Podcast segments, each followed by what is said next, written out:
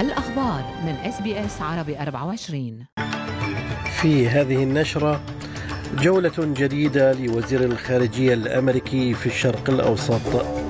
واشنطن تعلن مسؤوليتها عن مقتل قيادي في الحشد الشعبي العراقي. واستمرار جهود التعافي من الأمطار والفيضانات في ولاية كوينزلاند.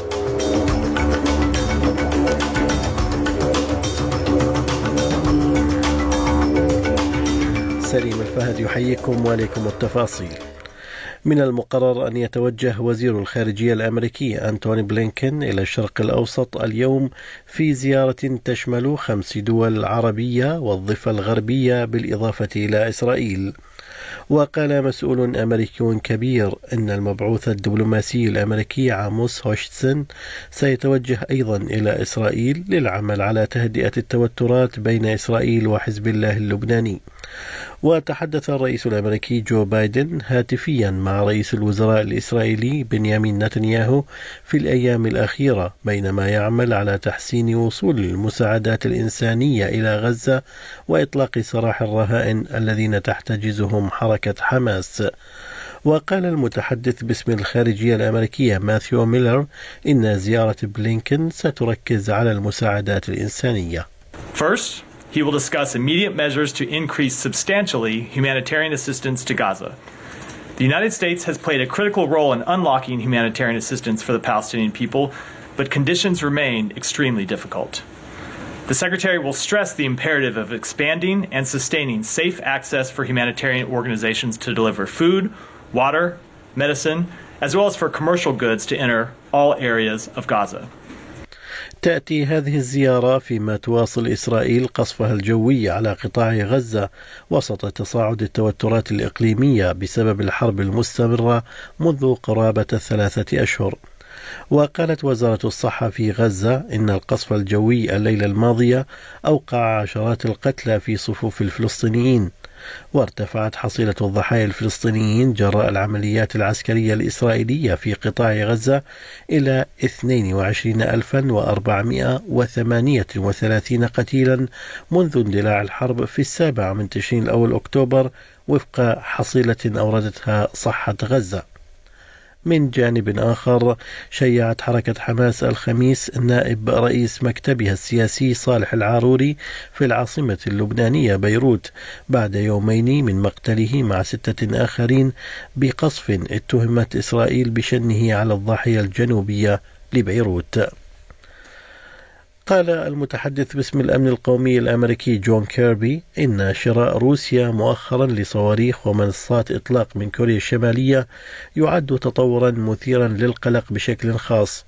وقال كيربي للصحفيين نقلا عن معلومات استخباراتية رفعت عنها السرية مؤخرا إن روسيا أطلقت مؤخرا صاروخا كوريا شماليا على أوكرانيا مضيفا أن الصاروخ سقط في حقل مفتوح.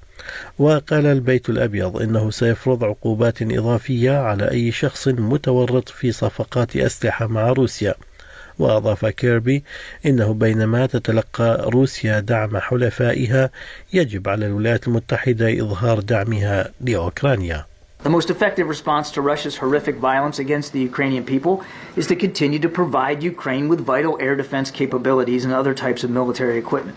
To do that, we need Congress to approve our supplemental funding request for Ukraine without delay. Russia is relying upon its friends to replenish its military stockpiles and enable its war against Ukraine. Iran and the DPRK are standing with Russia. Ukrainians deserve to know that the American people and this government will continue to stand with them.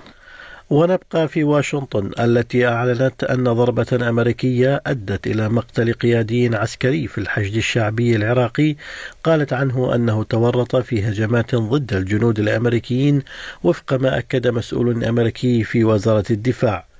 وكانت حركة النجباء أحد أبرز فصائل الحشد الشعبي في العراق قد أكدت في بيان الخميس مقتل معاون قائد عمليات حزام بغداد بالحشد الشعبي الحاج مشتاق طالب السعيدي ومرافقه. في محلياتنا أكد رئيس حكومة كوينزلاند ستيفن مايلز إعادة التيار الكهربائي إلى 95% من المنازل والشركات التي تأثرت بالأضرار الناجمة عن العواصف الأخيرة. وقال مايلز أيضا أن قوات الدفاع الأسترالية ستساعد في جهود التعافي التي يبذلها أكثر من ألف من العاملين في مجال الطاقة في الولاية. يأتي ذلك في الوقت الذي لا يزال فيه أكثر من ستة آلاف منزل في جنوب شرق كوينزلاند بدون كهرباء أو ماء وقد شكر مايلز العاملين في القطاع العام الذين يواصلون النظر بالعدد الكبير من طلبات المنح الواردة Look, I want to shout out to the public servants who are working so hard to get through more applications for hardship grants than we've ever, uh, ever experienced before. Um, my plan uh, from here is to visit uh, the Gold Coast and uh, head to Cairns and then tomorrow spend some time with the communities uh, affected in the state's far north, including Wudja Wudjal and Dagara. كثفت فرق الإنقاذ جهودها في اليابان بعد مرور ثلاثة أيام على الزلزال الذي ضرب وسط البلاد وخلف ما لا يقل عن 77 قتيلا وتقول فرق الطوارئ إن معدلات البقاء على قيد الحياة تنخفض بعد 72 ساعة من وقوع كوارث طبيعية مثل الزلازل.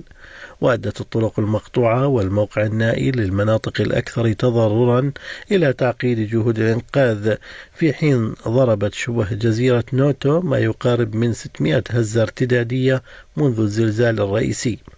وقال رئيس الوزراء الياباني فوميو كيشيدا إنه يعتقد أن عددا كبيرا من الأشخاص ما زالوا عالقين تحت الأنقاض لكن يتم بذل كل الجهود للوصول إليهم. The situation in the affected area is very challenging, but from the perspective of saving lives, we are making all efforts to rescue and to provide life saving aid to as many people as possible before the crucial 72 hour period following the disaster elapses this evening. طلبت وزيرة النقل في حكومة الظل بريجيت ماكنزي من الحكومة الفيدرالية الكشف عن الحقيقة فيما يتعلق باجتماع تشرين الثاني نوفمبر 2022 الذي جمع رئيس الوزراء أنتوني ألبانيزي والمدير التنفيذي السابق لشركة كوانتس آلان جويس. وتم تسليط الضوء على الاجتماع من خلال ما ورد في مذكرات رئيس الوزراء والذي كشف أيضا أن السيد جويس هو الذي عارض السماح لمزيد من الرحلات الخطوط الجوية القطرية بالدخول إلى أستراليا. ويبدو أن البانيزي وافق على هذه الشروط مقابل دعم شركة الطيران كوانتس لحملة نعم في استفتاء صوت السكان الأصليين. وطلبت السيدة ماكنزي من رئيس الوزراء الكشف عن الحقيقة لجميع الأستراليين. The test for the Prime Minister is now will he be upfront with the Australian public about what was discussed at that November meeting with Alan Joyce? Did he press for support for the voice referendum in exchange for rejecting the Qatar Airways additional flights? And will the Labor Party, when Parliament returns, vote to bring Alan Joyce back before the Senate to answer these important questions on behalf of the Australian public? مدت ولاية غرب أستراليا يد المساعدة لشركات البناء المتلكئة لاستكمال إنشاء المنازل المتعاقد عليها عبر قروض حكومية ميسرة. وسيوفر البرنامج الذي تبلغ قيمته عشرة ملايين دولار قروضا بدون فوائد تصل إلى 300 ألف دولار للشركات المتلكئة في استكمال منازل قيد الإنشاء منذ أكثر من عامين. في الرياضة واصل المخضرم الإسباني رافائيل نادال عودته الناجحة إلى ملاعب التنس بفوزه السهل على الأسترالي جيسون كوبلر 6-1 و6-2 في الدور الثاني لدورة بريسبن للتنس. وبعد المباراة قال نادال إنه سعيد بهذه العودة. For me, it's uh, every day that I have the chance to to play is uh, is great news. Know? So uh, just happy for that. Just happy that I, I came back after a long time and I feel myself competitive. That's uh, all what I what I want. And then let's see what's what's going on and how far I. Can. في أسعار العملات بلغ سعر صرف الدولار الأسترالي 67 سنتا أمريكيا حالة الطقس المتوقعة في كبريات المدن الأسترالية. لهذا اليوم في بيرث مشمس أقصى درجات الحرارة 32 أدليد مشمس 33 ملبن غائم جزئيا 27 هوبرت مشمس إجمالا 22 درجة كامبرا غائم 23 سيدني أمطار متفرقة 25 بريسبن أمطار متفرقة 31 وأخيرا داروين أمطار متفرقة 34 درجة. كانت هذه نشرة الأخبار قرأها على حضراتكم سليم الفهد من أس بي أس عربي 24 شكرا لإصغائكم.